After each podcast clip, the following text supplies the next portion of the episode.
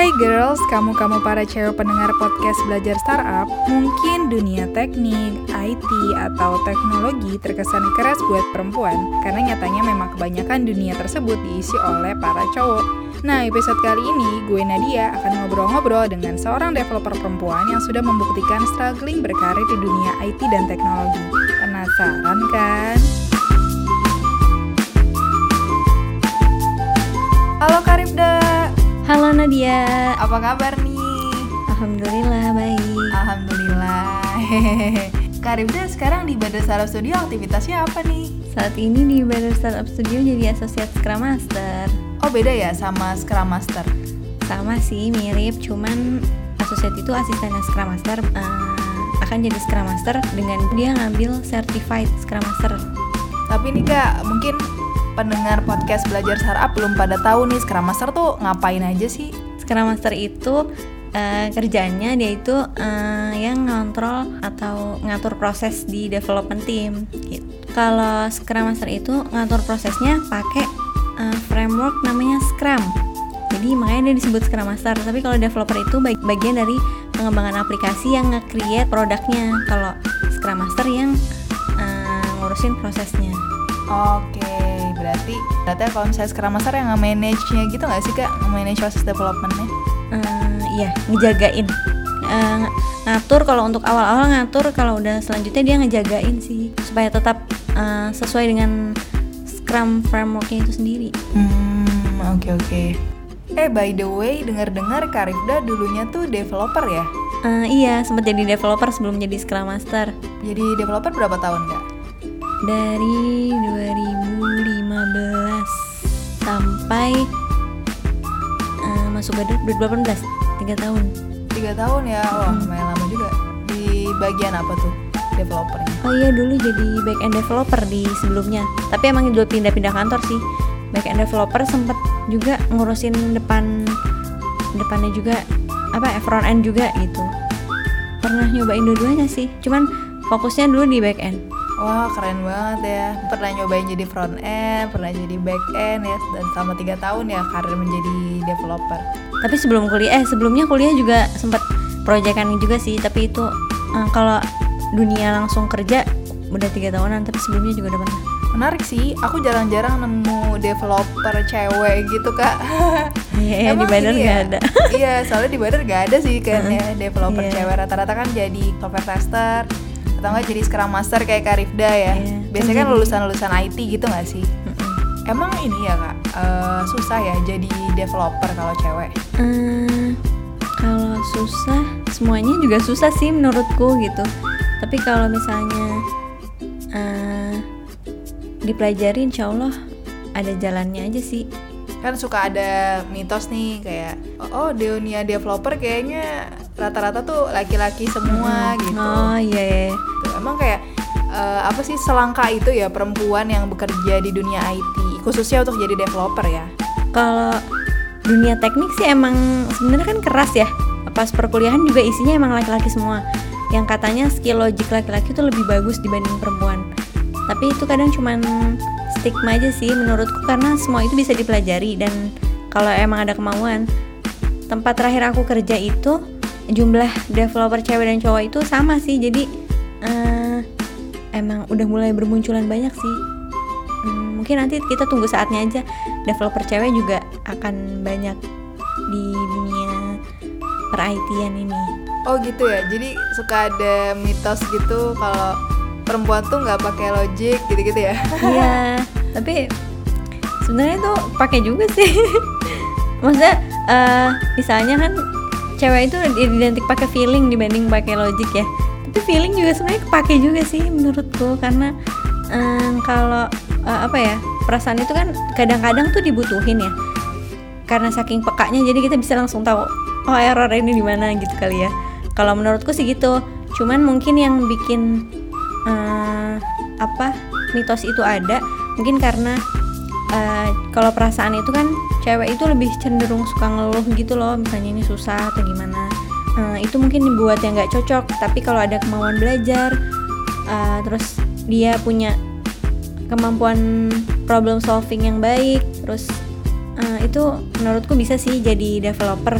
Apalagi sekarang tuh uh, udah nggak ada kata susah sih buat belajar karena udah ada Google udah ada Stack Overflow jadinya. Tapi ini kak uh, realnya emang masih sedikit nggak sih sekarang maksudnya kayak kita ngeliat di Badar aja kan rata-rata hmm. perempuan-perempuan lulusan IT gitu yang hmm. kuliahnya ilmu komputer hmm. atau informatika gitu ya hmm. kan uh, ujung-ujungnya jadi software tester, quality assurance atau jadi scrum master nih kayak Karifda hmm. itu maksudnya secara kenyataan kok uh, apa ya masih sedikit gitu sih jumlahnya Uh, kalau jumlahnya mas masih sedikit iya pasti karena cowok itu memang lebih banyak di dunia uh, teknik atau di programming gitu. Kalau di kelas juga emang lebih banyak laki-laki dibanding perempuan. Cuman kalau kita bandingin sama tahun-tahun sebelumnya tahun zaman dulu itu tuh uh, meningkat sih pertumbuhannya. Maksudnya programmer perempuan itu uh, jumlahnya semakin naik gitu walaupun cuma sedikit. Walaupun tetap masih sedikit atau tetap yang didominasi adalah laki-laki tapi nih kak banyak tuh anak-anak badar yang kalau aku tanya ini cewek-cewek yang lulusan informatika atau ilmu komputer mereka tuh emang lebih memilih jadi quality assurance atau software tester atau enggak jadi UX UI designer. Ya aku nggak tahu sih apakah memang passion mereka atau enggak. Cuman ada sih beberapa yang punya alasan kalau apa ya udah ya dunia ngoding-ngodingan tuh kayak sulit kenapa uh, maksudnya kenapa sih kak in real life gitu cewek tetap ada yang merasakan hal yang seperti itu gitu? Apakah emang benar bahwa dunia development tuh sesulit itu gitu untuk uh, dijamahi oleh perempuan? Uh, oke okay. kalau cewek itu kadang nggak mau jadi programmer itu biasanya mereka udah punya stigma sendiri kalau ngoding itu sulit gitu. Jadi mereka emang nggak mau mencicipi itu. Uh, tapi emang kalau dibilang sulit ya emang uh, bukan sulit sih mungkin keras kali ya. Karena uh, menurutku developer itu kan yang dilihat skillnya. Jadi skill itu bisa bagus selain karena bakat dia juga harus diasah. Nah mengasahnya itu kayak harus setiap hari harus setiap hari harus emang harus terjun langsung terus harus dikulik terus harus punya jiwa ngulik yang banyak harus jiwa punya jiwa yang jiwa apa? Uh, kepo yang banyak juga gitu supaya ngulik gitu. Nah ngulik itu biasanya kita tuh dulu ya aku tuh pas weekend gitu ngulik-ngulik gitu. Mungkin kenapa uh, cewek nggak mau jadi developer mungkin dia nggak mau sih waktu waktu hidupnya tersisa hanya untuk uh, ngoding aja gitu. Tapi padahal emang itu ketika kita ngasah coding ngoding atau ngasah codingan kita di weekend itu sebenarnya seru juga sih. Cuman ya ada orang yang memilih untuk uh, tidak memilih di jalan itu sih ya mungkin ya emang karena dunianya yang keras juga sih gitu, menurutku uh, kalau cowok mungkin lebih ini kali ya lebih lebih struggle lebih lebih penasaran gitu kali iya, ya lebih struggle. punya karakter yang penasaran gitu kali ya mm -mm. dan cewek mm, saya aku nggak tahu sih cewek sama cowok kerjaan di rumahnya tuh banyakan mana cuman kayaknya kalau cewek itu banyak perintilan kayak dia tuh fitrahnya sebagai perempuan tuh harus beberes rumah lah apalah jadi dicampur-campur gitu loh. Uh, mungkin weekend itu waktunya dia buat ngapain gitu. Tapi harus karena dia penasaran sama codingannya dia jadinya uh, jadi dia ngoding di hari weekend terus uh, kerjaan apa? Kerjaan rumahnya jadi terganggu. Jadi sebenarnya itu pilihan sih. Apakah dia mau tetap mengisi weekendnya dengan ngulik-ngulik atau dengan kegiatan rumahnya gitu kalau perempuan sih mungkin karena kan campur-campur kegiatan lainnya berarti ngoding itu sangat-sangat menyita waktu banget ya? Uh, ada kalanya dia menyita waktu ada kalanya enggak sih biasa aja. Cuman kan kadang gimana caranya kita bisa ngasah skill coding kita itu sih. Kadang ada error yang error yang harus kita cari tapi bisa nyarinya nanti gitu. Atau ya semacam gitulah nah, maksudnya dia tidak menyita waktu banget sih cuman uh, akan dia dia akan lebih bagus lagi kalau misalnya dia banyak ngulik dan ngulik itu kan ya harus ada waktu sendiri gitu nggak ada nggak pas waktu kerja gitu. Apa tantangan yang Karibda hadapi selama bekerja sebagai developer? Tantangannya yang dihadapi uh, yaitu uh, apa? Di awal-awal misalnya kita baru punya apalagi kalau misalnya kita baru nyobain teknologi baru itu kita harus sering-sering ngulik gitu harus sering keep update terus uh, harus teliti karena nyari titik koma itu susah maksudnya ketika error cuman karena titik koma tuh rasanya uh, gemes gitu terus apa ya itu sih tantangannya yang Nah, kalau Karibda sendiri nih, kan sekarang jadi Scrum Master. Apa pelarian atau gimana jadi developer? Atau yang pengen aja jadi Scrum Master? Jadi, uh, kalau dev, uh, dari developer pindah ke Scrum Master itu awalnya karena emang sebelum sebelumnya ini ada project yang menurut aku agak sedikit sakit hati sih sama proses developmentnya di project itu. Jadi ketika ditawarin jadi asosiat tuh uh, asosiat Scrum Master jadi ngerasa tuh uh, oh iya pengen nih ngebenerin proses development gak cuman di waktu di project dulu zaman dulu atau di mana pengen banget sih maksudnya belajar ini gitu tapi uh, sebenarnya jadi Scrum Master yang baik juga sebenarnya butuh skill butuh skill ngoding juga sih supaya uh, jadi Scrum Master yang helpful buat timnya. Jadi bisa berempati sama developernya lah ya. Gitu. Iya, betul.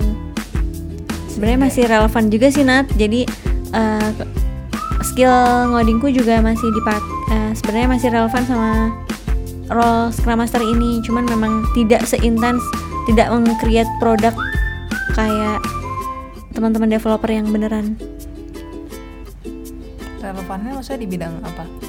ya itu misalnya ada relevannya maksudnya gimana relevannya maksudnya tadi yang kayak Nadung bilang bisa berempati itu pertama yang kedua uh, ada teknik-teknik pengembangan proses yang baik yaitu misalnya ada namanya unit testing nah itu uh, gimana caranya uh, kita bisa nge-coaching sama mendorong coaching atau mendorong tim buat pakai unit testing. Jadi kita juga harus udah nyoba duluan sebagai Scrum Master. Nah, kalau kita punya uh, skill ngoding terus nantinya jadi unit testing, itu jadi helpful banget buat timnya gitu.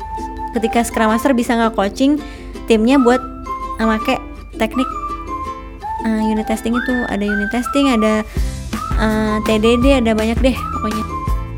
Apa ya?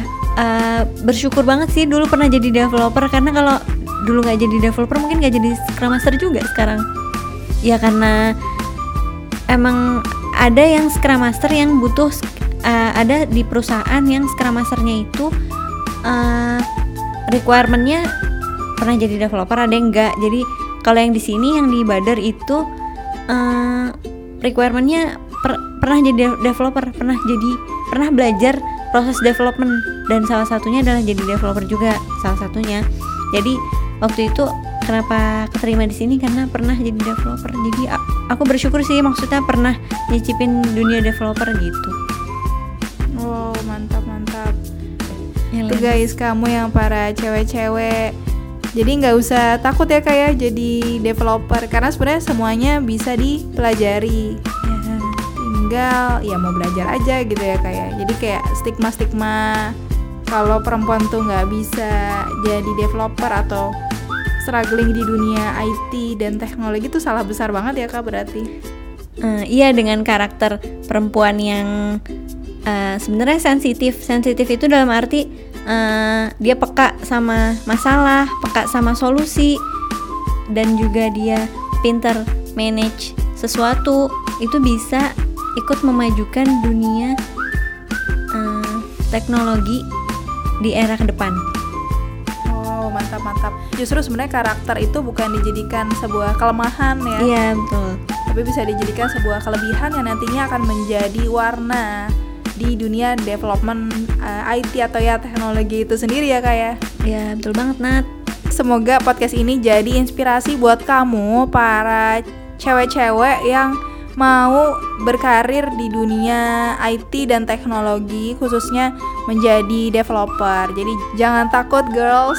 Ini sudah kita punya contohnya nih yang pernah jadi developer selama tiga tahun yang tough dan strong gitu. Um, berkarir di situ Karifda contohnya. So, perempuan jadi developer, siapa takut? Bye bye, nantikan podcast belajar startup episode selanjutnya.